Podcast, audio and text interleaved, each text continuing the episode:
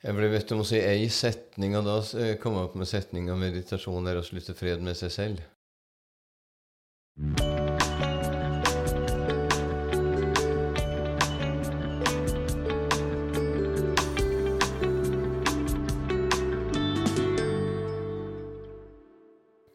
Hjertelig velkommen til podkasten 'Leger om livet'. Mitt navn er Anette Dragland, og jeg jobber som lege. Jeg laga denne podkasten for å gjøre nyttig og god og spennende kunnskap om kropp, helse og sinn lett tilgjengelig for alle. Og i dag har jeg en veldig spennende gjest. For i dag har jeg med meg lege Audun Mysja. Han er overlege og spesialist i allmennmedisin med doktorgrad i bruken av musikk i eldreomsorgen. Han driver Senter for livshjelp, som han har bygga opp og driver sammen med sin kone Reidun og andre gode medarbeidere. De har bygga opp et utdanningsforløp i enhetsterapi og mestringsmedisin samt meditasjonslærerutdanning og har fokus på verktøy for helse og vekst. Han er en bestselgende forfatter av en rekke bøker, bl.a. 'Kunsten å finne ro', 'Ungdomskilden' og 'De tibetanske riter', og har nå kommet ut med en ny bok som heter 'Meditasjon veien til deg selv'. Mm. Og du fortalte meg akkurat nå, Audun, at du har skrevet For jeg trodde det var 22 bøker, men du har faktisk skrevet 24 bøker. Mm. er du 200 år, eller hvordan har du fått det her til? Nei, det, det det aner jeg ikke. Kommer det bare til det?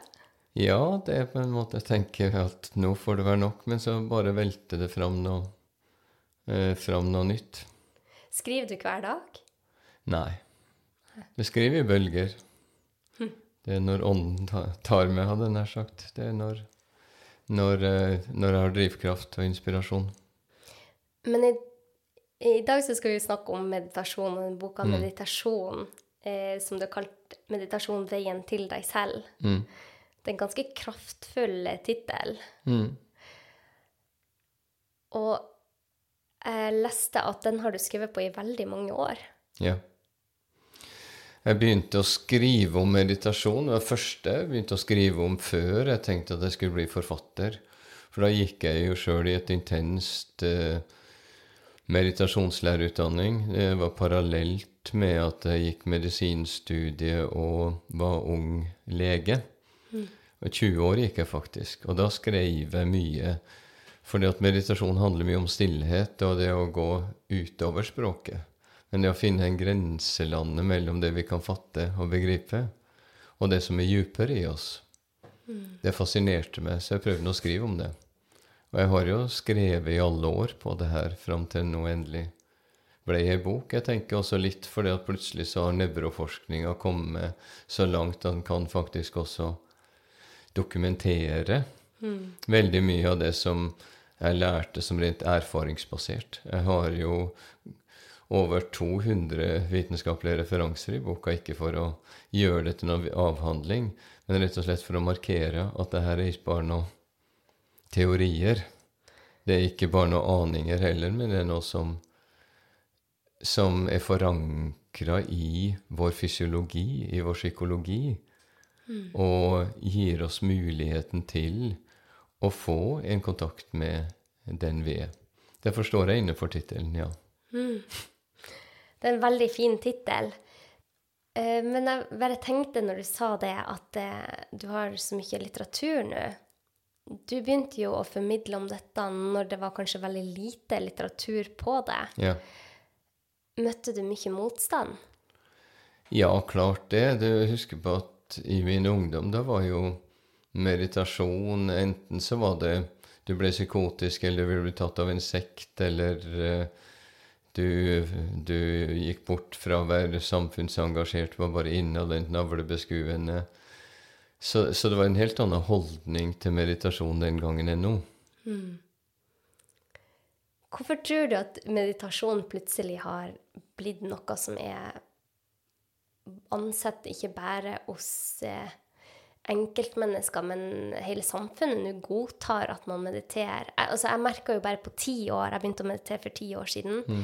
Og jeg merker stor forskjell når jeg sier nå at nå skal jeg ta meg tid til å meditere, f.eks., eller at jeg mediterer, så møter jeg en helt annen forståelse enn jeg gjorde for ti år siden. Mm. Da, da, da vil jeg egentlig ikke si det så høyt. Eh, Ja hva, hva, hva tror du har skjedd, egentlig? Det er mange ting som har skjedd. En ting er forskninga som er nevnt, men jeg tror dypest sett at det har med å gjøre at um, i Norge så har vi vært et rolig folk knytta til naturen. Det var jo på den øya mine foreldre kommer fra, Haramsøya, så var det jo på 70-tallet den eneste meditasjonsstreiken i Norges historie. Kjenner du til den? Nei? Nei, det var en som dro på kurs i transcendental meditasjon. Han var fabrikkeier ved den eneste fabrikken på Haramsøya ute i havgapet. Og han kom tilbake, og som alle nyfrelste så skulle han frelse verden. De ansatte skulle gjøre transcendental meditasjon når de begynte på jobben, og når de slutta. Og arbeiderne gikk til streik. De ville ikke det. Nei, de sa at vi er sunnmøringer, vi er havet. Ja. Og, og det er noe med det. Jeg husker min farfar satt og glåma utover fjorden etter eh, dager med hardt arbeid. Og når jeg spurte hva tenker du på, farfar? «Mhm». Ja. Bare tomheten. Det var bare hav. Fiskerne han jobba som sykehuslege oppe i Lofoten på 80-tallet, de som var, var født uten media, uten annet enn havet. Havblikk. Jeg bare så havet eh, inni øynene deres omtrent. Så vi har vært et naturfolk med stor ro i oss. Også det jeg vokste opp. Eh, det var aktive voksne, men jeg møtte ikke folk som var stressa i den forstand. Og så er det jo en tidobling i alle fall av sanseinntrykk. Bits av sanseinntrykk et gjennomsnittsmenneske må forholde seg til. I Den digitale i løpet av en dag, i løpet av et liv. Oi. Den digitale virkeligheten gjør at vi er på. Hviledager, helligdager, bordvers, alt det der markørene på at vi er av, det blir borte. 24-7-samfunnet. Det, det er en radikal endring. Og vi er jo skapt i det autonome nervesystemet for på og av. Og, og plutselig er det på som tar over. På en måte som har skjedd så umerkelig at vi ikke har registrert det. Men en radikal endring. Og meditasjon er jo der, ikke for å bearbeide tankene eller gjøre det mer positivt, men rett og slett for å stilne alle de vanlige tankene. For å stilne autopiloten som går rundt og rundt i, i ta tankekjøret de fleste kjenner i hodet. Og det er jo der meditasjon virkelig starter. Så du tenker at eh, nå, siden veldig mange av oss kjenner på en, kanskje en overflod av informasjon, mange av oss kjenner på stresset som er i hverdagen WHO har jo gått ut og sagt at stress er en verdensepidemi. Ja. Um, så tenker du at kanskje det er det som har gjort at vi nå også godtar At vi nå også godtar å finne veier der man kan finne stillheten igjen? Jeg tror det, det er åpenbart. Jeg ser jo også min forlegger Erling Kagge skrev boka «Støy- 'Stillhet i støyens tid', etter å ha sett at hans tre tenåringsdøtre hadde ingen forhold til stillhet. Det skulle være noe på hele tida. Han gjorde jo furore. Dro verden rundt og oversatte masse språk, og folk kommer gråtende til han til foredrag. 'Tusen takk for at du har vist meg at det finnes stillhet.' Det sier ganske mye om vår tid. Mannen som oppdaget stillhet. Det, det, en trengte ikke noen mann å fortelle oss om stillhet i det Norge jeg vokste opp i. Så kanskje man hadde meditasjon alltid med seg egentlig før i tida. Sånn som du sier farfaren din, han så ut på havet. Kanskje det var en form for meditasjon for han. Det er en form for meditasjon, mener jeg, vel, for veldig mange, og kan være det fortsatt. Det spennende med slik meditasjon har utvikla seg, og slik jeg har lært meditasjon i min utdanning, at meditasjon kan også være rett og slett et nærmest universalverktøy. Til å gå inn, bruke ditt eget sinn, din egen kropp, til å skape endringer i negativ stress, i ubalanser, emosjonelle ubalanser. Eh, Jeg har lært så mange spennende meditasjonsmetoder. Og i boka tar jeg også opp ikke bare sittende meditasjon som jeg har lært, men gående meditasjon, løpende, dansende, liggende. Eh, Snart kommer vel noe hoppende meditasjon. eh, så Men men det er for meg en av det største etter de årene jeg sjøl var syk i ungdommen, å få oppdage meditasjon og oppdage at det er min egen kropp, mitt eget sinn, hadde et så nærliggende verktøy. At i måten jeg puster på, måten jeg, eh, måten jeg bruker tankene mine på, måten jeg holder kroppen min på Alt det her er med på å forme livet mitt. Ikke at en skal være sånn overbevisst på seg sjøl, men at du har hele tida den muligheten til å gå inn og skape små endringer. For onde og gode sirkler skapes hele tida i oss. Hva mener du med det? Jeg mener det at hvis du blir skuffa, nedslått, så blir du bokstavelig talt nedslått. Holdninga endrer seg. Stemmeleiet endrer seg, sånn at den stemma du begynner å snakke med da, den er kanskje ikke så oppladende for deg, og den er kanskje ikke så oppladende for min hjerne og kropp heller. Mm. Så du, du, begynner å psyke deg sjøl ned, bokstavelig talt. Mm. Det skapes så lett. Mm. Omvendt, hvis du har, uh, føler at dagen i dag den er vår beste dag, så går du der med brystkassa opp og fram, og du sier 'hei', og verden smiler til deg. Og, så du får masse forsterkninger hele tida. Mm. Og for meg har det vært så utrolig lærerikt å få gå inn med de her gruppene som har virkelig degenerative sykdommer, hvor det går nedover i spiral, demens og parkinson. Kunne gå inn på sykehjem ved avansert parkinson og kunne se hvordan du også der kan bruke meditasjonsverktøy til å stoppe en degenerativ spiral. F.eks. med parkinson. Jeg brukte eh, noen av de her treningsoppholdene de hadde til å utvikle noen av mine første meditasjons-CD-er med musikk. Og bare folk sa at åh, nå ble det plutselig stille i hodet. Hmm. Samme opplevde jeg ved overlege på Hospice Lovisenberg. Skikkelig hardcore med noen av Norges verste smertepasienter med neuropati i 8-10 på skalaen fra 0 til 10. Og morfinet kan du skru opp 1000, 2000, 2500, og det skvetter som vann på gåsa. Hva gjør du? Ja.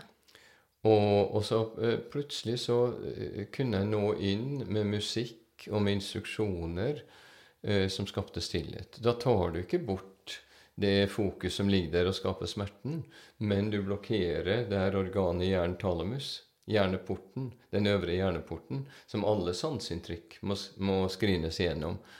Og smerte er jo så sterkt, og når det er neuropatisk smerte, så vil jo det trumpe alt. Men jeg fant jo at med eh, enkel musikk eller bare sang eller med meditasjon kunne du dra inn i stillhet. Du kunne stilne, du kunne blokkere talamus. Og det er kjempeinteressant at vi har studier nå som viser at talamus den, det, Talamus er nesten som et sånt emoji-hjerte. Mm. Og, og, de her to buene på vaffelhjertet de spises opp, de, de flates av etter hvert eh, ved demens. Sånn at no, en av de tingene som skjer ved demens, er at sanseinntrykk bare går rett inn. Så støyen i hjernen blir bare øka og øke. Mm. Men meditasjon har faktisk vist å kunne nydanne de her buene i vaffelhjertet. Eh, det, er en, det, er en, veldig god studie som er gravd fram i den boka. Ja. Og det gir veldig løfterike perspektiver. At sjøl langt ute i aldring så kan det å stilne sinnet faktisk hjelpe oss å beskytte oss. For vi vet jo at hjernens naturtilstand er, er støy. At eh, nervesignalene i seg sjøl er jo støysendere. Men vi konverterer til mening ved å bli engasjert i sanseinntrykk. Men meditasjon, da er vi ikke så avhengig av de ytre sanseinntrykkene for å stilne støyen. Vi har fått et verktøy i oss sjøl. Og det har vært utrolig å kunne følge mennesker. Jeg snakker ikke om det at det er en kur for sykdom. Derimot så sier jeg at uh, de her pasientene har hatt med alvorlig sykdom, kreft eller hva det nå er, som har lært seg å meditere, de har kunnet få en verdig avslutning på livet. Fordi at de klarer å koble seg fra smertene. Klarer å koble seg fra angsten. Og det er jo en trenbar ferdighet. Det er jo det flotte som har skjedd i vår tid. det er at Før har vi trodd mye mer at ja, sånn er jeg bare. Det var det jeg lærte når jeg vokste opp. Mm. Vi er hissige i vår familie, eller mm. vi har aldri fått til noen ting, eller sånn er det bare. Mm. Og helse og sykdom, det kan ikke gjøre noe med. Ja. Og nå er vi Vi skal ikke gjøre det der å peke på at hvis du er sjuk, er din egen skyld. Det er jo fullstendig på villspor, så klart. Men, men, bare det at det er alltid noe vi kan gjøre. Mm. At, at ethvert menneske kan få tilpassa verktøy. Og det er noe jeg brenner veldig for. Mm. Og det er så Når vi får verktøy, og vi selv kan gjøre noe for egen helse, mm. så gir det oss ikke bare de verktøyene, men det gir oss også en sånn enorm mestringsfølelse og en følelse at vi har kontroll på eget ja. liv, som jeg tror er kanskje noe av det viktigste vi som leger kan gjøre. Ja. For at jeg tror vi er langt forbi det stadiet der Eh, i hvert fall innenfor legestanden, at vi, vi, bør ikke sitte og gi råd og ha pekefingeren. Men det vi kan gjøre, er å gi verktøy så hver og en pasient selv kan ta i bruk det som passer i sitt liv. Mm.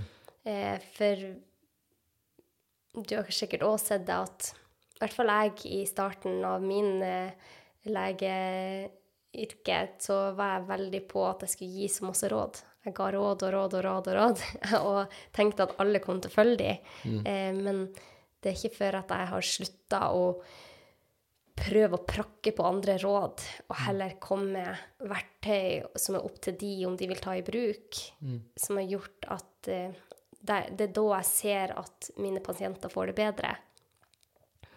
Og jeg tenker at meditasjon er et sånt verktøy jeg startet jo selv å meditere i en vanskelig tid i mitt eget liv, der jeg var helt Jeg måtte finne noe. Og meditasjon kom etter hvert, etter å ha prøvd alt mulig fra positiv psykologi til eh, Ja, jeg prøvde mye rart. Men meditasjon var det eneste som ga meg faktisk den følelsen at jeg har kontroll på eget liv, og så mm. ga den meg stillhet. Mm. Men når vi snakker om meditasjon, så må vi også snakke om hva, hva er det egentlig? For for mange så er det veldig sånn søkt. De har hørt OK, man kan meditere, men så tenker de åh, hva, hva, gjør det med meg? Kommer jeg til å bli flat hele tida? Eh, jeg vil jo være den jeg er. Eh, men meditasjon handler jo ikke om det. Hva er egentlig meditasjon, Audun? Jeg ble bedt om å si ei setning, og da eh, kom jeg opp med setninga 'meditasjon er å slutte fred med seg selv'. Og hvis du ser teknisk på det, så er jo meditasjon en måte å utforske sinnet på, som ikke primært sikter på å få fram positive tanker, men som primært sikter på nullstilling. Og det er noen ferdigheter jeg tar opp i boka, som meditasjon vil gi. Det ene er å fokusere, mm. som også tar opp eksempel Eh, på, fra mitt eget liv, hvordan det berga meg gjennom medisinstudiet. Eh, fordi at det hadde vært en eh, Jeg hadde kobla meg fra kroppen i tenårene, og i en drømmetilstand fikk jeg toppkarakterer, men jeg ante ikke hva jeg holdt på med. Og når jeg begynte på medisinstudiet, så deisa jeg ned på jorda. Akkurat som skytsenglene hadde sagt at OK, nå, nå har vi jobba nok for deg. Nå får, nå får, nå får du ta resten selv. Nå får jeg ta resten sjøl. det var litt sånn. Og plutselig satt jeg der og ikke skjønte bæret. Leste og huska ingenting. Og alt ble bare en graut. Men der fikk jeg noen øvelser som jeg tar fram i boka, som gjorde at jeg fikk samla tankene og lærte meg å spisse. Og, og, og, nullstille. Og det å, å skape det fokuset er jo en av ferdighetene meditasjon vil gi. For dem som har tanker som bare surrer rundt i alle retninger. Ja. Det har tradisjonelt fra meditasjonens første dokumenterte faser i det gamle India, så er jo det som var snakk om å skape der one-pointed awareness. At du virkelig kan samle alle konflikterende retningene i sinnet. Prøve å tenke positivt så, så, skaper vi kanskje en sånn negativ smådjevel som ligger der under ja, og lurer ja, på og venter på neste. For sånn er jo Vi er i polariteter. Og meditasjon sikter mot å, å gå dypere. Og andre ferdigheten er motsatte, det å slippe. Bare å slippe taket. Det er på ene sida vi må anstrenge oss, vi må virkelig skjerpe oss, vi må stå på. På andre sida slippe. Fullstendig. Men, men, hva var det som gjorde at du fant meditasjon? Hva, fortell den historien. Og nei, jeg hadde jo de her eh, årene med sykdom i tenårene hvor jeg slutta å spise, og det fantes ikke noe hjelp å få. Og det okay. var jo fantastisk for meg at eh, når jeg overlevde og opplevde å gå der og ikke få hjelp, det har skapt en livslang motivasjon for meg til å kanskje kunne være der og, og kunne gi noe som treffer mennesket. Eh, og jeg bare lengter etter det måtte være noe, noe jeg kan gjøre med ville dyra som raser i kroppen, og, og alle merkelige opplevelsene som jeg spurte folk, men ingen ante noe om det. Og, og når jeg så overlevde og, og begynte å komme til meg sjøl, så, så utforska jeg jo alt. Og masse spennende ting. Men når jeg traff meditasjon, så Ja, egentlig så, så har jeg alltid vært der. Fra jeg hørte ordet meditasjon, så begynte jeg bare å, å skjelve og riste. Det var akkurat som ordet meditasjon bare utløste en sånn reaksjon hos meg. Som jeg visste at det lå noe der. Og så snart jeg fikk begynne å lære det ordentlig, så visste jeg at jeg var på rett plass. Det var akkurat som jeg bare sugde i meg omtrent som morsmjølk. Det var, ja, det var Så det var ikke en teknisk tilnærming eller 'what's in it for me' eller noen ting. Det var bare som en sånn baby som sugde inn i seg noe, noe jeg, jeg virkelig Næring. trengte. Næring, ja. Til, til noe, noe djupt. Noe at det gikk an å finne bare i øyeblikket. I, i ens egen væren. Det var, var og er og vil bli for meg et mirakel, ikke noe annet. Så det var på medisinstudiet du begynte? Eller var det Ja. før? Men ja, jeg begynte så vidt før, men da, da hadde jeg ikke noe retning. Men, eh, men gjennom hele medisinstudiet så begynte jeg med meditasjonsutdanning og fortsatte med det ja, egentlig fra 70-tallet og fram til 98. Så begynte vi med med meditasjonskurs på 80-tallet, da. Hva de kollegaene dine syns om det? Du vet at det viktigste er jo at når en går sammen og jobber, og en gjør en ålreit innsats, og, og ikke, ikke gjør noen veldige sprell på jobben, så er det Jeg er jo bare den jeg er, og dem er dem dem er, og vi eh, eh, Jeg syns jeg har blitt møtt med respekt. Ja, så bra. Men eh, angrepene på meg har kommet fra folk som aldri har sett en pasient. Ja. De som er i helsevesenet, de kan mumle litt og Klart det kommer noen håndlige kommentarer gjennom årene, men hva venter en når en stikker seg ut? Så utfordrer en immunsystemet, så, så det må en regne med. Men, eh, men de usaklige angrepene har kommet fra folk som ikke aner hva det handler om. Har meditasjonen hjulpet deg med det òg? Å ja. Hvordan da? Nei, jeg, så, jeg, ble jo, jeg fikk jo tilbud om uførepensjon på min 20-årsdag hvis jeg overlevde. Oi. Og igjen da jeg begynte som lege, så ble jeg også bedt av overlegen, kommuneoverlegen i Oslo om å søke uførepensjon, eller at jeg kanskje kunne da bygge opp en forskerstilling, for det var altfor følsomt å jobbe med mennesker. Så i utgangspunktet, og mine foreldre mente det samme, så i utgangspunktet er ikke jeg rusta til å jobbe med mennesker. Det er meditasjonen som har gjort det mulig for meg. Det er første gangen jeg har sagt, sagt det i klartekst, men det er meditasjonen som har berga min karriere, som nå har vart fra 70-tallet til i dag, og fortsetter. Nå setter jeg jo i gang og litt sånn ung og lovende. Ja, du er fremdeles ung og lovende, Audun. Men, men, men jeg har aldri vært rusta til det. og Jeg er fortsatt ikke rusta sånn sett.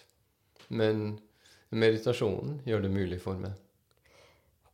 Hva mener du med at du ikke er rusta? Nei, at jeg tar inn alt mulig fra mennesker. Du snakker om å skrive mye bøker.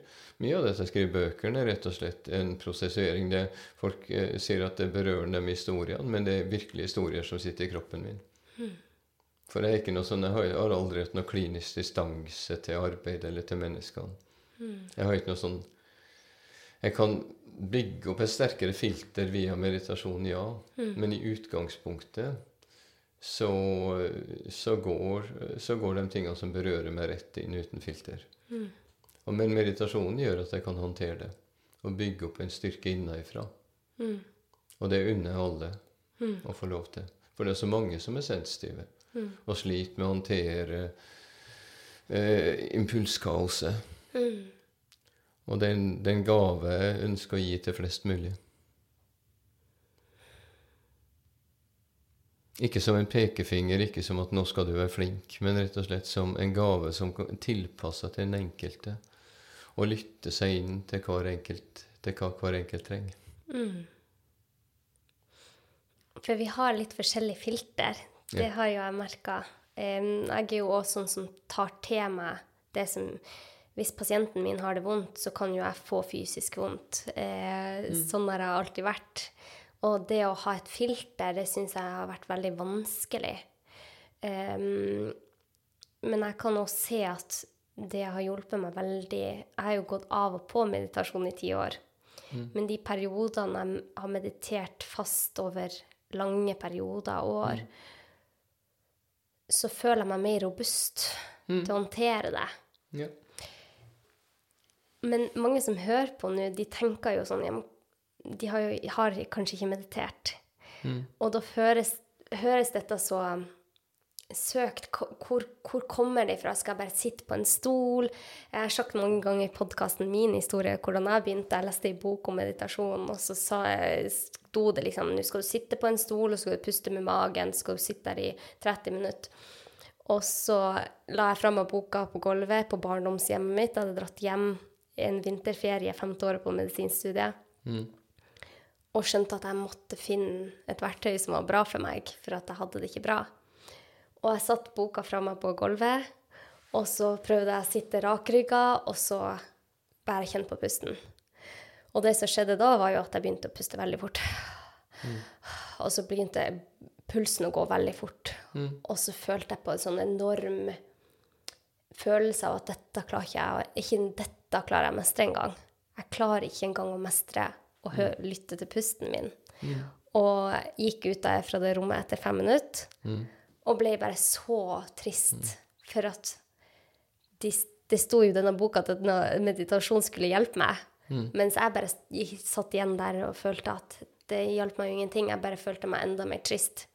Men i ettertid så har jeg jo sett, for at jeg måtte gå tilbake og tilbake og tilbake, var at jeg hadde så mye oppbygde følelser i meg, og jeg hadde aldri kjent på de. Jeg hadde aldri sittet i mitt eget selskap og bare kjent hvordan jeg hadde det inni meg. Og det var så tungt og så vanskelig for meg. Så jeg tenker at det er viktig å formidle, og at kanskje man kan føle det når man starter med meditasjon. For vi har så mye følelser i oss. Vi er kanskje ikke Jeg har hele tida trodd at vi er tenkende vesen som føler, men jeg har jo skjønt at vi er mer følende vesen som tenker. Eh, og det Ja. Hva, hva tenker du om dette, Audun? Nei, jeg, jeg skriver jo om det her i eh, Når vi ser på den tredje ferdigheten av løftet. At nå har du satt deg ned for å meditere, og da skal roen komme, og da skal du komme til loven landet, bortsett fra at det ikke er det som skjer. Hodet begynner å kakle, og diverse følelser bare spruter opp. Og det var det viktigste i min meditasjonsutdanning. Å gå inn i der og rett og slett bli kjent med meg sjøl. Hva er det som fins i, i alle de her lagene av det som eh, en kaller underbevissthet? Og la det, at det får komme opp og fram. Det er jo det viktigste med meditasjon, at det var en metode til ikke å undertrykke. Mm. For vi er jo lært opp, føler jeg, i vår kultur. Enten så undertrykker vi våre følelser, eller de kommer rett ut i rasende Facebook-innlegg, eller hva det nå gjør. Men det fins andre veier, og det er noe av det viktigste med meditasjonsverktøyet. At du kan faktisk lære å bruke det. Via regulering av pusten, via at du lærer å holde energien i følelsen og kjenne Ja, hva er det jeg føler nå? Det er det vi prøver for å gjøre nå også i det her skoleprosjektet med skolebarn. For skolebarn har det på samme måten. Enten så er de snille og forsiktige og skyver sinnet vekk hvis det kommer, eller så er det de utagerende hvor sinne er lik å slå. Og, og det å trene opp barn til å kjenne ok, sint, det er helt fint, det er helt greit, men kjenn på det. Hva vil du gjøre med det? Vil du vogge, vil du holde i det, har du lyst til å slå på ei pute, vil du bare puste? Eh, Altså at du lærer deg å håndtere ditt emosjonelle liv.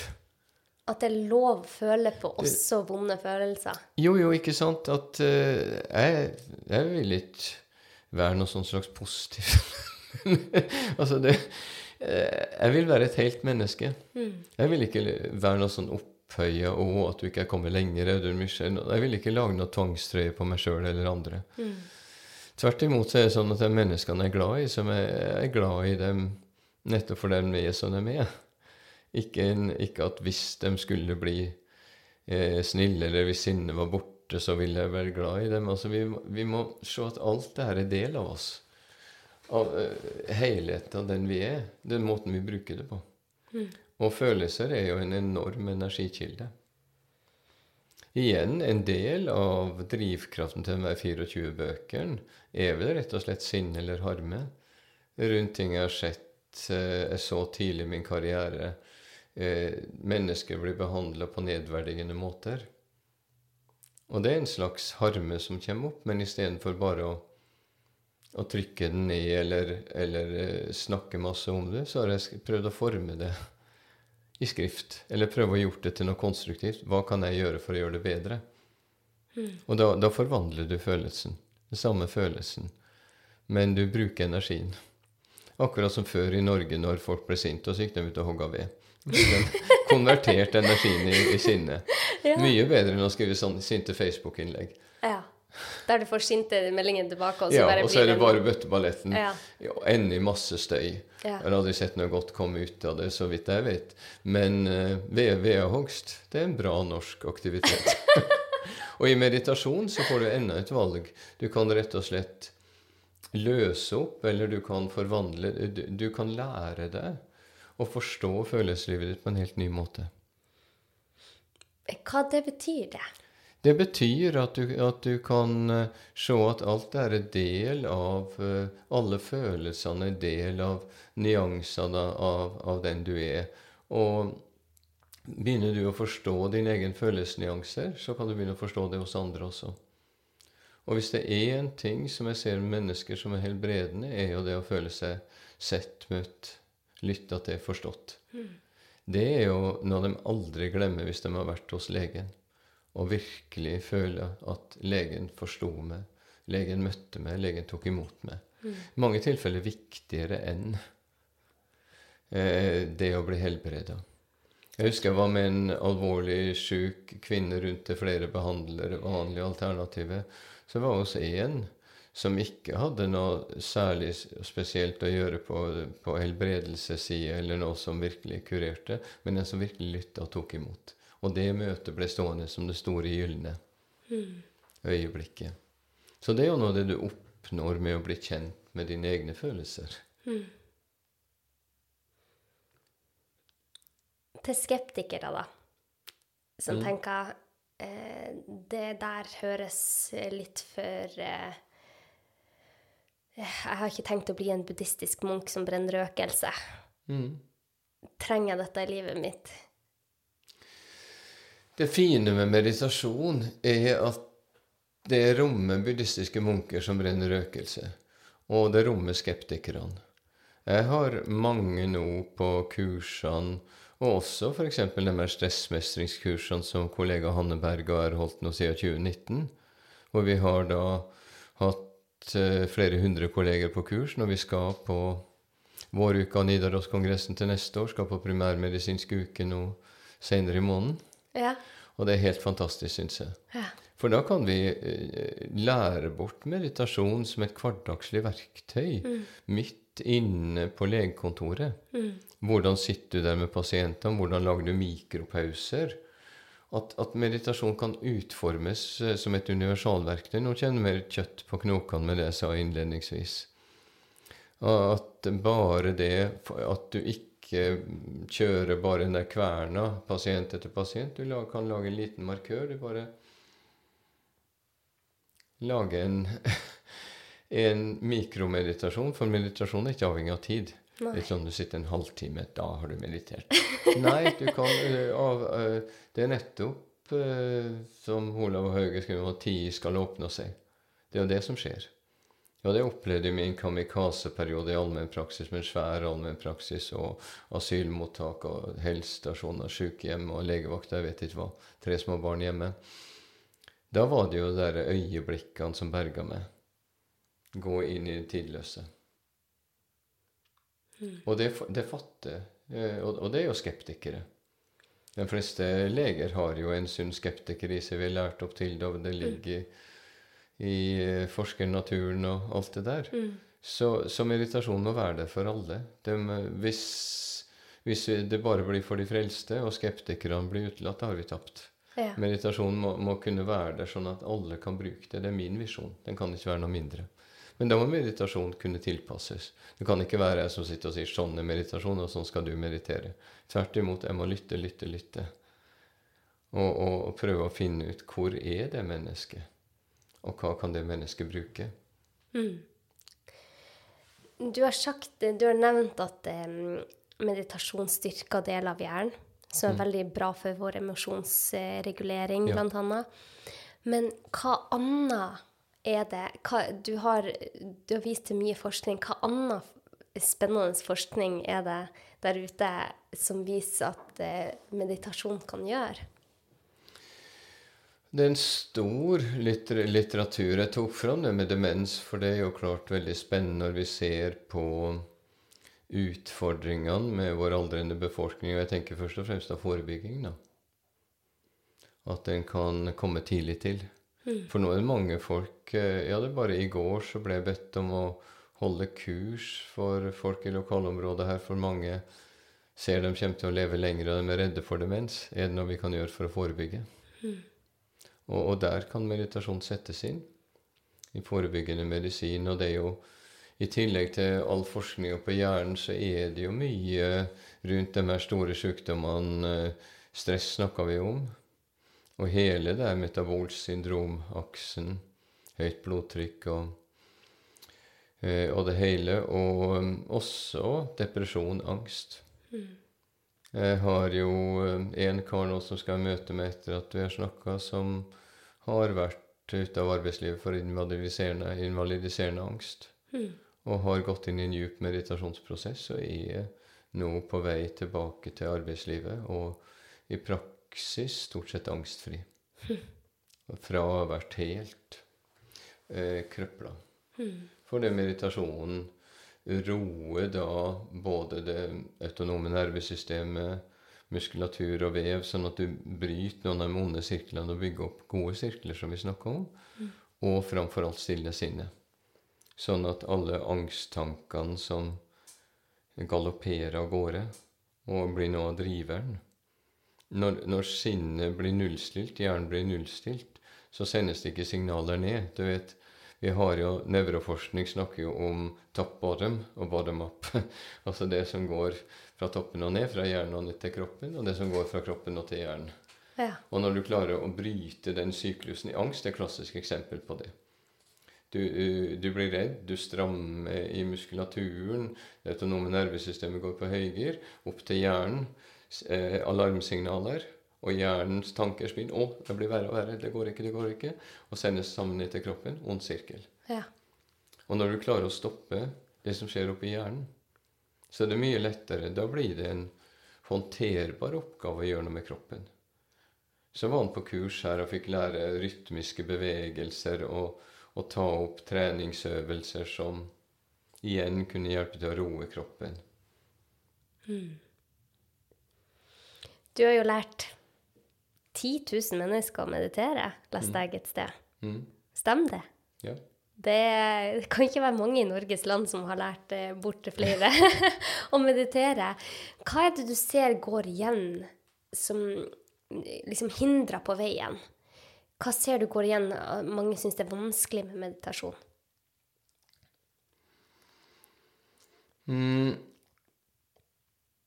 Det vanskelige, det som gjør at folk stopper å meditere, er ikke per i dag særlig at de ikke får det til i seg sjøl, men det er livet som tar dem. Mm. Det er rett og slett en får et sjukt barn, en sjuk mor det er, det er, noe som skjer i det ytre livet. Det blir for mye. Det tipper over. Det lekker. Og det er jo der eh, jeg jobber mye nå med at meditasjonen kan bli mer fleksibel, jobbe med å sette i gang, finne hvordan kan de bli fysisk aktive på en riktig måte, rytmiske bevegelser, sånn at ikke de mister rytmen. For det jeg ser langtidsoppfølginga mi av pasienter som har hatt fra 80-tallet og tidlig på 90-tallet til i dag, er jo at det ikke er det store folket gjør som gjør den store forskjellen, men det som gjør hver dag. De er gode vanene. Det er derfor jeg er så opptatt av de tibetanske ritene. For jeg har sett i min populasjon at de som gjør dem hver dag, det lille kvarteret der, det gjør mye over lang tid. Ikke etter et par uker, men når du ser over år. Det, så det er det jeg føler er det viktigste med meditasjonsarbeidet nå. Å legge inn hva gjør du når livet tar det? Når det plutselig blir for mye. For folk har stort sett en sånn i vater med livene sine. De, de har Kanskje de har familie, kanskje de har barn, sånn som du, og, og jobb, og ting går i balanse. Men så er dette annet som skjer. Det skjer jo ting hele, hele tida. Eh, ei mor som brekker lårhalsen eh, Alt det der eh, kommer inn. Og hva gjør vi da? For det er da folk ofte mister. Mm. Når man trenger det kanskje aller mest, da Når en trenger aller mest, da glipper det. Du har helt rett. Det er det jeg ser, skjønner du. At folk går så fortrøstningsfullt i gang, og de får det til. Det var mye mer et problem før, men nå har vi så allsidige verktøy at vi får tilpassa det, sånn at jeg opplever at folk som har vært på kurs, de får det stort sett til. Mm. Fordi vi jobber så såpass mye med metoder for å nullstille tankekjøret. Og får du til det, så får du til det meste. Det må vi komme tilbake til, for det har jeg veldig lyst til å, å høre mer om. Men um, på vei hit så snakka jeg med ei venninne av meg som også mediterer. Og hun begynte å meditere for mange år siden, da hun bodde i Australia. Og eh, ble med i en sånn silent retreat der hun mm. var stille i ti dager. Mm. Mm, og det gjorde veldig, veldig mye for henne når hun lærte seg å meditere. Men så sa hun nå at nei, nå hadde hun slutta å meditere, for hun har fått en ny jobb, og det er mye som skjer, og hun har kommet ut av det igjen. Mm. Og så sier jeg er det ikke rart at vi slutter mm. når vi trenger det mest? Mm. Og jeg pleier å si det til ene broren min, har tre kjempeflotte brødre, og jeg sier det til den ene broren min at det, det å meditere er som en sånn superpower når jeg mediterer, så har jeg det så mye bedre. Mm. Men så skjer det et eller annet, og så faller jeg ut av det. Mm. Og så tenker jeg ja, men er meditasjon egentlig så viktig? Mm. Har det gitt meg så mye? Jeg, man glemmer av effekten man får av mm. meditasjon. Mm. Og så kommer jeg tilbake igjen, og så tenker jeg å, herregud. Hvorfor, hvorfor slutter man? Mm. Eh, du er jo sikkert en sånn person som har klart å meditere i mange, mange år. Men for de fleste så faller man jo ut. Mm. Hva er verktøy du gir da for å klare å get back on that horse? Mm. For det første så, så må en da gjøre det overkommelig. For hvis folk vil tilbake, og de ikke da får det til, så blir det en sånn ond sirkel i tankene også. Ikke engang det får jeg til, og alt det der. For vi har jo en sånn flink greie i vår tid vi skal få til så forbaska mye. Ja. Og hvis meditasjon også blir en greie vi skal få til, da har vi tapt. Ja, og ikke mestre. Ikke sant? ja, det der, eh, den der følelsen ikke-mestre. For det er noe som har eh, har undra meg de siste årene. I min ungdom sa folk er et syndig menneske, og så forsvant jo synsbegrepet for vår kultur, og folk, mange pusta letta ut. Men så kom det jo inn bakveien som vi er ikke bra nok. Ja. og, og, nesten enda verre, for før var det jo Jesus som skulle være med å bære lasten, men nå er det bare meg sjøl ja. som må bære det. Nå kan du ikke be om tilgivelse. Kan ikke, nei. Det, du, du, skal bare, du, skal bare, virkelig få det til. Så jeg tror at, at det er veldig viktig da å gi seg sjøl veldig mye rope, veldig mye slakk, mm. når, når en begynner igjen. At en gjør noe veldig enkelt som en ikke kan feile på. Mm. Og kanskje en lager en blomstervanningsmeditasjon, at en vanner en blomst litt grann hver morgen. Ja, ja, ja. Starter med noe sånt, eller, eller kikke ut vinduet og stirre pip, eller Samme det, men bare at en gjør noe. Ja. For det jeg ser i, i min uh, forskning, om jeg kan kalle det sånn, på eldre, friske eldre, som jeg gjorde parallelt med de syke eldre på sykehjem, at alle disse som virkelig holder seg veldig godt med årene, de har små ritualer. Så jeg tror, gjør, lag et lite ritual. Derfor har tibetanske ritaen vært så takknemlige å lære bort til folk, for de er bygd opp på en måte som gjør at folk klarer å gjennomføre. Og at den gjør det sånn, og gjør det cirka er godt nok. Og gjør tre, tre repetisjoner er godt nok. Og hvis du ikke orker å gjøre det, så gjør det inni det. For det er vist at hvis du forestiller deg, hvis du lager bilder av at du gjør det, så får du ikke like god virkning som du gjør det. Men du får bedre virkning enn om du glemmer hele smella. Ja, jeg leste jo boka di, 'Det Ja. tibetanske rita'. der skriver du at bare man visualiserer at man det noe armløft, eller at man blir sterkere? Ja, faktisk. Det, det er gjort noe eh, Det er det råeste forskningen jeg har vært ut for, tror jeg. Ja. Det er å vise at til og med hvis du jobber med imaginære verke, eh, vekter Så det var en fransk studie som viste at du fikk mer vekst i muskelfibre hvis du forestilte at du løfta tunge vekter, enn hvis du forestilte at du løfta, løfta lette vekter. ja. Er ikke det helt vanvittig? det, det er fordi du, du setter i gang nevrologiske kretsløp. Ja. Sjølsagt det beste er å gjøre det eh, og, og gjøre det skikkelig. Men poenget er at når folk glir av, og jo lenger folk glir av, og jo flere ganger de glir av, desto lettere er det å gli av for alltid. ja. Og derfor er det så viktig at en, eh, at en har en lav terskel når en skal tilbake igjen. Og, og jeg ser fra ritekursene dem som har droppa ut, er dem som ville for mye til, for tidlig. F.eks. en som sa at 'nei, eh, det var så bra, jeg gjør det to ganger om dagen'. Jeg sier 'no, no, no'. Men personen gjorde det allikevel. Og så fikk jeg beskjed om at han var slutta med ritene. ja. Fordi at eh, det ble overfiring og for mye, og så fikk skade, og så ble redd og slutta. Nei, gjør, eh, gjør litt. Meditasjon kan være så lite. Bare at du, at du samler deg litt. Ja, F.eks. allmennpraktikerne. Eh, Samler seg ti sekunder mellom hver pasient. Det tar et par minutter om dagen, men du vinner så mye annet på det. Ja, for det, det er mange som sier at man ikke har tid, ikke sant? Og jeg, eh, du lever jo et veldig hektisk liv, Audun, der du har veldig mange prosjekter på gang. Ja. Eh, jeg har jo et hektisk liv, sånn som de fleste småbarnsforeldre. Ja, ja. Og for meg så har det vært så essensielt å få til de der mikromeditasjonene, som jeg kaller det. De dagene der minste vekker meg klokka seks, og jeg har ikke sjans til å få en ledig stund fram til kvelden, og da sovner jeg med den eldste, så har jeg funnet ut at ok, hvordan skal jeg klare å få inn meditasjon i en sånn hverdag? Så det jeg gjør, sånn som i morges, så vekker han Anton, min yngste, meg eh, tidlig. Og da bare setter jeg meg opp i senga med beina i kryss helt på kanten av senga. Og så bare puster jeg med magen, og så sier jeg Jeg har noen mantra da, som jeg bare sier Selv om han liksom er bak skuldra mi og er kjempeglad for å, å våkne, så, så får jeg bare noen få sekunder der jeg bare sentrerer meg.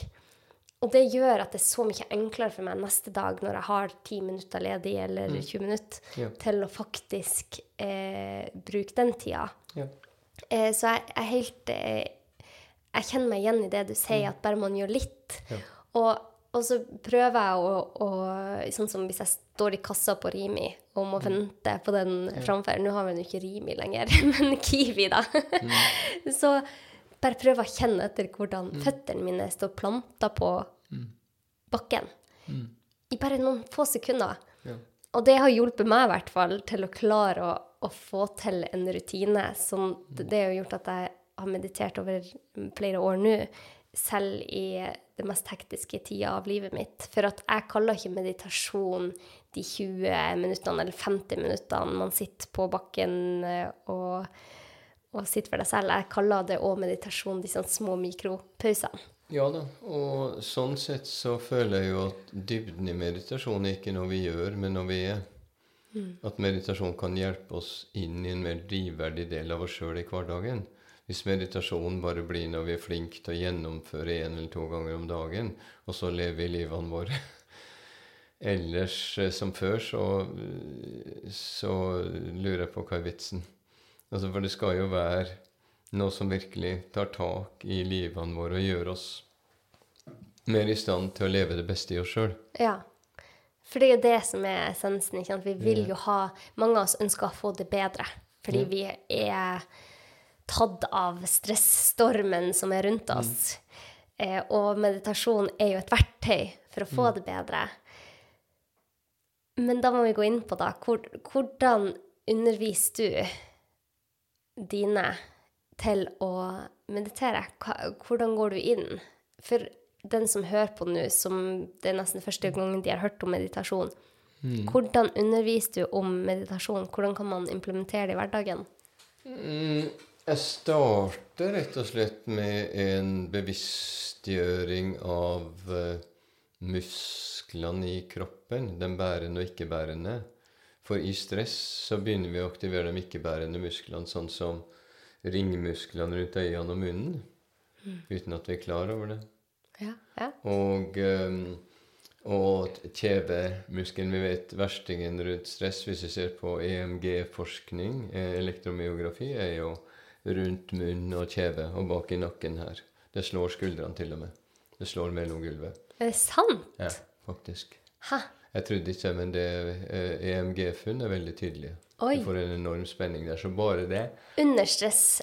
ja, Og kronisk da- lavgrad. Ikke bare sånn veldig stressende stunder på jobben, men Kronisk lavgradig stress. At vi, vi har kjeven kobla. Ja. Så jeg, jeg starter med en litt Nå får jeg ikke podkast-seerne se det her, men, eh, men det er du, du gaper opp og gjør deg selv veldig ja, Altså tunga Slapp. bare Tunga slapp. sånn. Det lærer folk opp til. Og så å avlaste Så slappe helt av i Helt der, ja. Og så, og så aktivere den bærende muskulaturen, blant annet psoasmuskelen, eh, som er jo den kraftigste bærende muskelen i, i nedre del av kroppen, og, og innerste magemuskelen, og den her eh, innerste ryggmuskelen, den multifidus. Folk lærer det sånn at en kan holde seg oppreist uten at en må bruke masse spenninger, for da bruker en de musklene som er laga for å holde det oppe. Ja. Og så begynner vi med pusten. Eh, først lærer folk å puste inn i hjernen, og det er veldig snedig. For da får folk kjenne åh, nå ble det stille inn i hjernen min for første gang på årevis, sier folk. Så det er også, og så åpne pusterommet. For da har du eh, forutsetninger for å meditere. Ok, vi, jeg må bare stoppe det der. Så Audun, først så anbefaler du at man prøver å slappe av i kjeven, slappe av i muskulaturen, Ja. men hvis du sitter, så lar du enkelte muskulatur, Ja, du, bæremuskulatur for eksempel, du, du merker at du, du Psoasmuskelen går jo også oppover korsryggen, så Ja. du, du, du bare aktiverer den mu- psoasmuskelen, og den muskelen som ligger helt inntil ryggraden, omtrent som du er en indisk slangetemmer som spiller så slangen går opp av kurva ja. sånn. Så du sitter rak i ryggen. Uten å bruke uh, unødvendige muskelspenninger. Ja? For da, fordi at kjeven Du snakker med kjeven, og så lenge kjeven er anspent, så vil det fyre tanker. Forstyrrende tanker. Bra. OK. ok. Og så hva, hva videre? Så sa du det at du begynner med å puste til hjernen. Ja, puste rett og slett gjennom nesen, inn til midt i hjernen. dette. alle deler av hjernen, og så tømmer du på utpust. Lang utpust. For det er vagusnerven, ronerven i kroppen.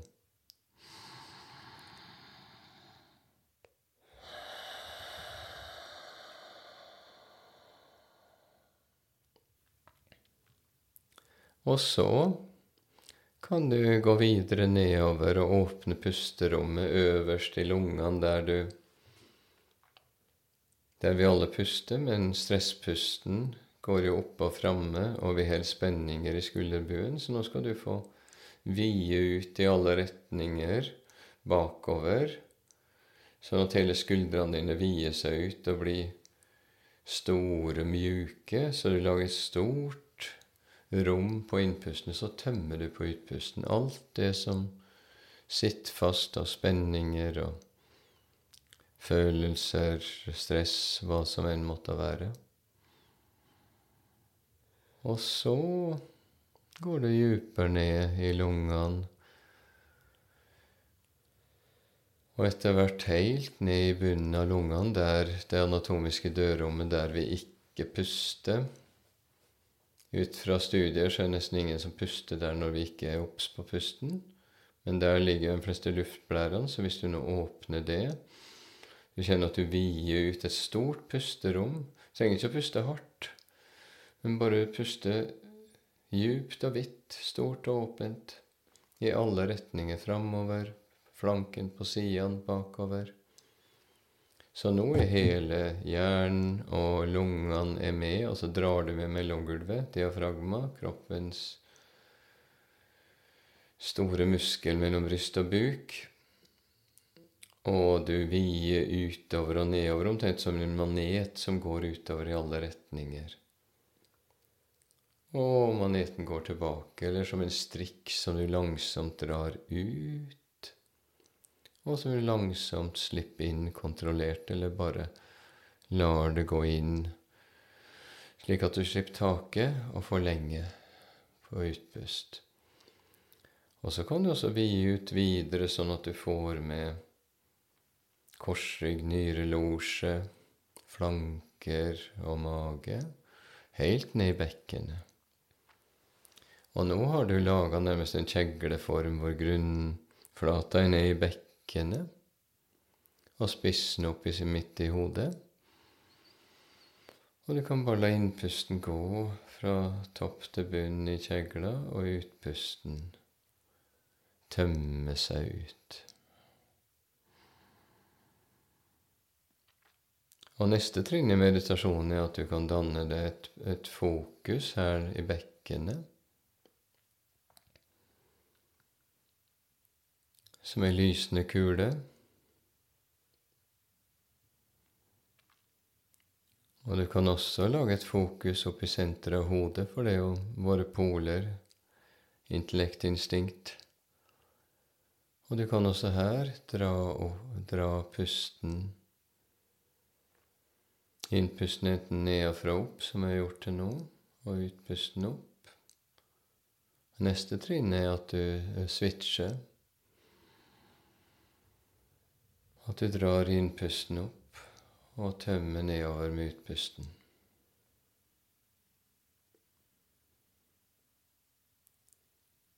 Og slik kan du forbinde det her fokuset, lysende kule, eller hvordan du vil forestille det, ned i bekkenet med fokuset opp i senteret av hodet. Det er del av den meditasjonsmetoden jeg har lært, som går på å forbinde ulike bevissthetsområder, så ikke vi er spalta, men at vi kan bli hele.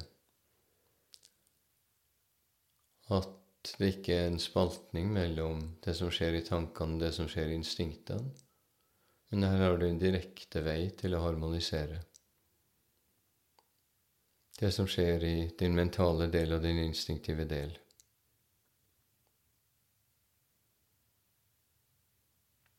Det er en øvelse jeg sjøl jobba med gjennom mange år,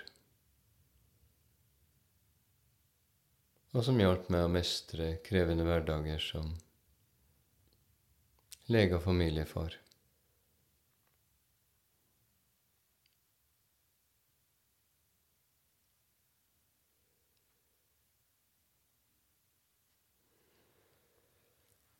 Så det er en representativ innledning til et meditasjonskurs.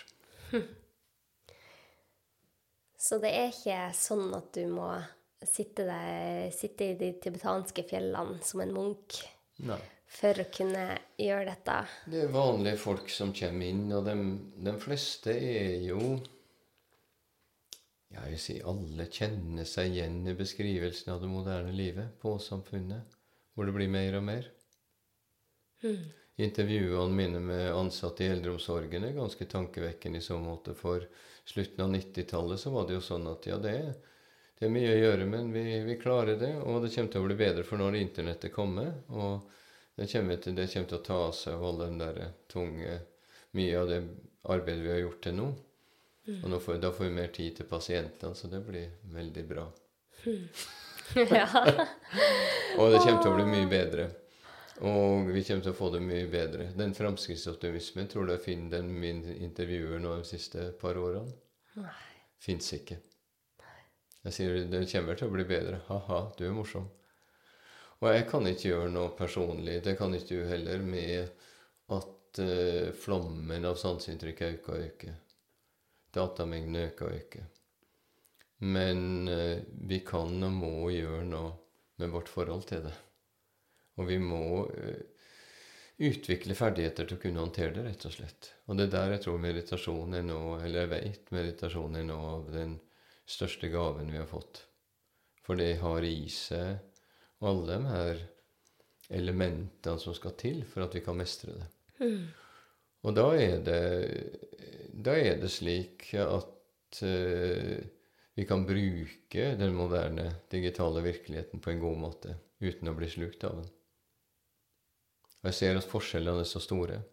I eldreomsorgen er små nyanser i hvordan legge opp dagen, om folk klarer å holde på seg sjøl å være skaper og ikke skapning.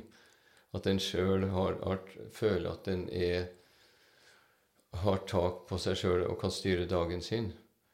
Eh, der er sykefraværet halvparten av landsgjennomsnittet. Og det er hvor folk føler at bare er, vi er bare utsatt for det som skjer, jeg kan ikke gjøre noe med det, så er sykefraværet det dobbelte. Mm. Og klarer vi å konvertere Jeg har hatt flere prosjekter hvor jeg har klart å konvertere med små midler, mikromeditasjoner, små pusteøvelser, avspenningsmeditasjoner, fem minutter. Så har du sykefravær ett tilfelle ned fra 20 til 5 Det er ikke bare jeg som har funnet det.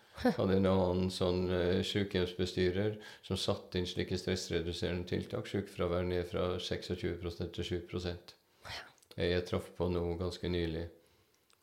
Så, uh, så utslagene er så store mm. på å få til de små tiltakene. Mm. Og alle føler at kravene øker. Jeg vet ikke om du hører andre ting? Men, jo, jeg er helt enig.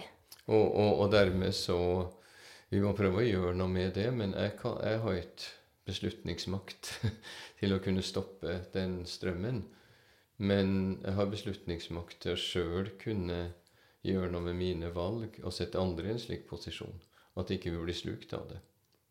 Mm. Det var en klok kar som sa en gang at uh, mennesket ble ikke skapt for sabbaten, men sabbaten for mennesket. Det tror jeg er viktig å huske i vår tid. At mm. systemene er der for vår skyld. Og hvis ikke vi får mennesker til å fungere Hvis ikke lærerne og sykepleierne orker å gå på jobb, hva da?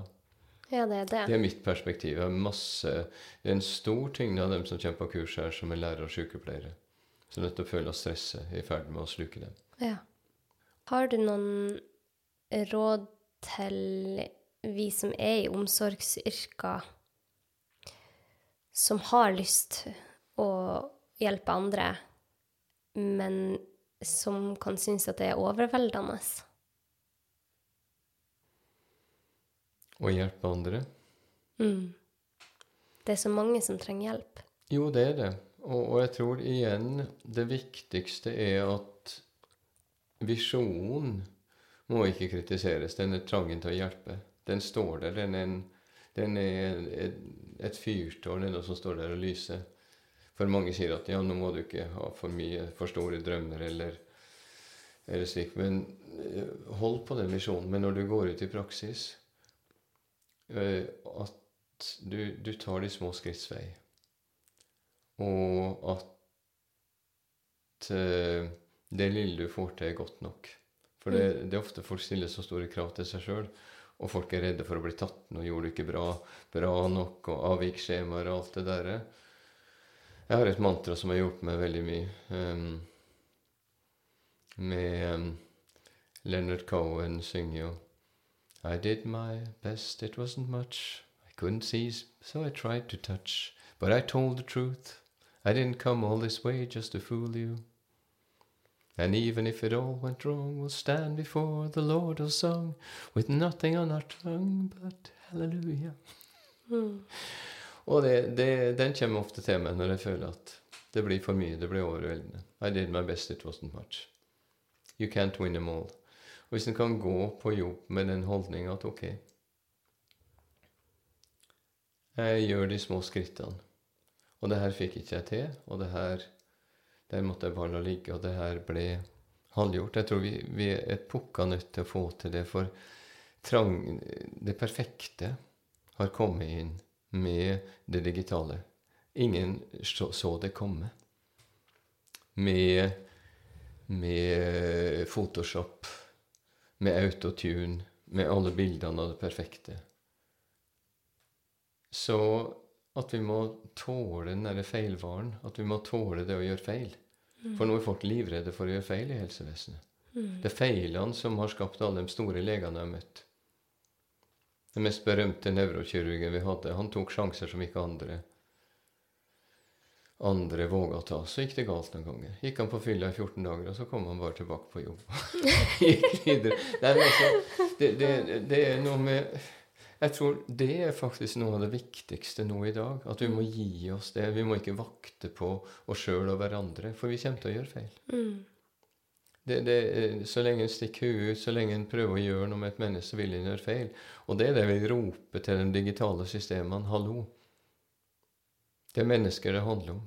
Mm. Og, og vi må Eh, vi må ikke være opptatt av å ta folk. Jeg har sett folk eh, Jeg hadde en pasient som er sykmeldte. Hun hadde hatt en beboer på en, en storvokst og tung beboer på, på, en psykiatrisk institusjon som gikk løs på hun, og hun, eh, hun ramla med han over seg. Og så ble hun anmeldt, for han fikk en kneskade. Hun hadde ikke ivaretatt beboeren godt nok. Nei. Sjøl om han slo ned hun. Nei. Og hun orka ikke mer. Det er regelverket på avveie. Forstår du? Ja, ja, ja. Er, og, og, og, vi må forstå at vi er mennesker som søker å gjøre vårt beste. Mm. Vi må gi det til hverandre. og vi må, Jeg ser det ved institusjonene hvor sykefraværet er lavt. Da stoler folk på hverandre. Mm. Grunnstoffet tillit som ligger der mellom mennesker. At vi tror vel om hverandre at vi tror vel om våre intensjoner. Så kan vi være som de syv dverger. Det er en som er sinne, og en som er blyg, og en som er godmodig. Vi er litt forskjellige. Mm. Men at vi, at vi, får inn den toleransen, og at vi kan Vi kan gjøre det lille vi får til. Mm. For da blir vi drivverdige. Jeg, jeg, gjør mange ting. Og you can't win them all. Mm. Det er bare de siste dagene jeg har gjort noen ting som har vært helt fantastisk, og noen som har vært helt sånn og Ja, det Oi. den, der kunne jeg gjort den bedre. Men I did my best wasn't much. Det er del av kverna. Og, og, og, hva spiller en rolle om 50 år? Det er så eh, godt det du sier, Audun. Jeg tror at veldig mange kjenner seg igjen i det. Og vi mennesker ønsker jo mest av alt bare å bli sett og hørt og elska. Og så har det skjedd et eller annet så vi føler oss disconnected. Vi føler oss ikke kobla sammen. Og jeg vet ikke hvorfor det er blitt sånn, men jeg får hundrevis av mailer og meldinger i uka nå av mennesker som bare ønsker å bli sett og hørt. Og kanskje før så hadde man disse samfunnene der vi hadde vår rolle, og vi ble sett og hørt. Men nå er alle Vi står som individer, ikke sant? Mm. Mm. Det er mye tyngre ja. å være et individ enn en, mm. en del av et fellesskap. Mm. Tror du meditasjon kan hjelpe oss med det òg? Det er det meditasjonen har vist meg. De nivåene meditasjonen har vist meg, gjør ensomhet umulig. Den synliggjør det fellesskapet som ligger der i alt liv. Og samhørigheten som ligger der mellom naturen, oss mennesker. Og på kursene våre har vi sett at meditasjon er en vei fra ensomhet til fellesskap. Mennesker kan finne noe under forskjellene. Mm. Det kobler oss sammen, rett og slett. Ja. Og det er det vi så sårt trenger, å føle oss kobla. Jeg opplever det. At meditasjon gjør at en blir kobla inn. Jeg sto der som individ i ungdomsårene og følte meg fullstendig alene i verden. Og nå meditasjonen har vist meg det her djupe, grunnleggende fellesskapet. Og det, det er noe jeg virkelig unner alle mennesker å få oppleve. Vi vet jo også at ensomhet er knytta nå mer og mer av forskning til, nesten, til alle de store sykdommene. Mm. Ikke som eneste årsaksfaktor, så klart, men som medvirkende årsak. Så det er også noe som gjør at jeg er veldig stolt av denne boka, den siste delen av boka som går på Ut i verden, meditasjons samfunnsoppdrag. For jeg tror at meditasjon kan gjøre en større forskjell i så måte enn vi aner.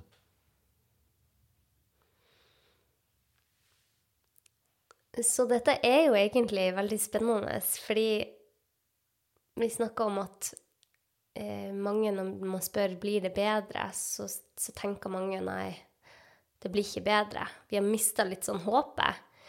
Men jeg kjenner på et sånt skifte. Mm. Jeg kjenner at det skjer en endring mm. i ganske stor fart. Mm. Um, som Jeg vet ikke om du følte det, men før så var det mer eh, snakk om ikke at vi skulle finne genene, og når vi hadde kartlagt genene, så hadde vi funnet svaret til all sykdom, og da kunne vi kurere alle mennesker på denne jorda.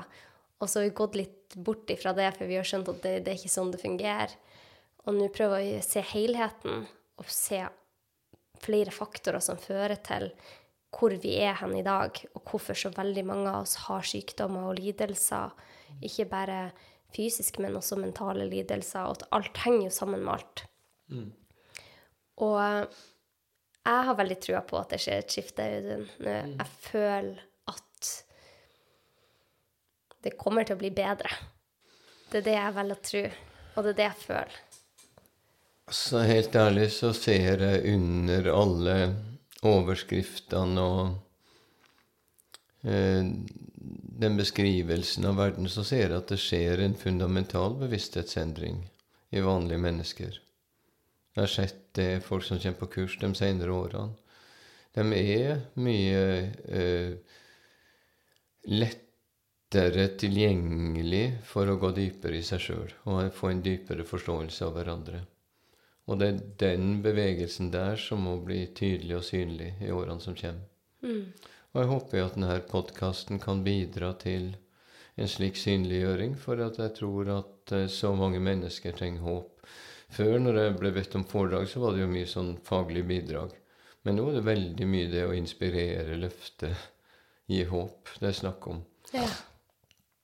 Og, eh, og jeg tror at alt vi trenger, ligger der.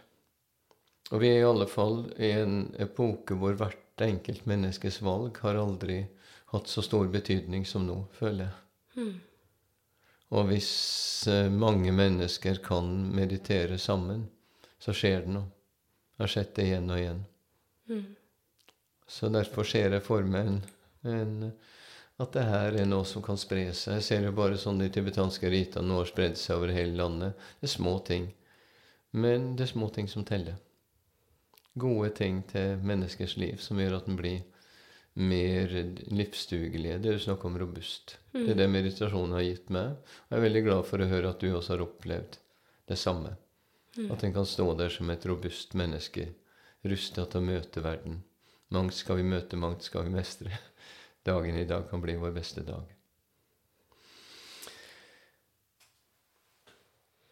Og de, du har jo jobba med dette kjempelenge, og du har skrevet 24 bøker som er helt utrolig.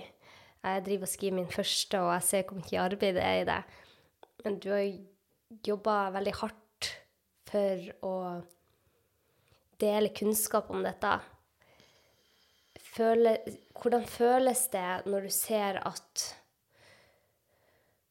at det blir anerkjent er kanskje feil ord, men at du ser at det du kommer med, faktisk viser seg å stemme også i forskningsverdenen. for du er jo lege, ikke sant? Du er jo ja. Eh, hvordan, hvordan kjennes det for deg? Nei, altså Helt ærlig når jeg har sett de her forskningsresultatene, så har jeg et par ganger begynt å grine. Et par ganger jeg hoppa og dansa og spretta tjo og hei. fordi at jeg er blitt så glad. Ja. For jeg er blitt så lykkelig fordi at det er verdener som kommer sammen. ja. For, det, for meg har det hele tida vært innlysende at den der spaltninga ikke er sann. At enten så må du være materialistisk, eller så må du være religiøs, åndelig, eller Altså, det er Alt det her må komme sammen. Det er ulike dimensjoner av virkelighet ja.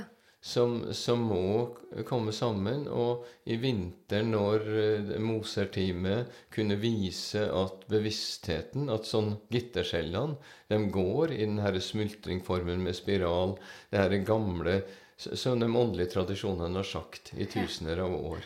Da var det da Jeg, jeg gikk i dagevis. Jeg, klarte, jeg visste ikke hvor jeg skulle gjøre av meg.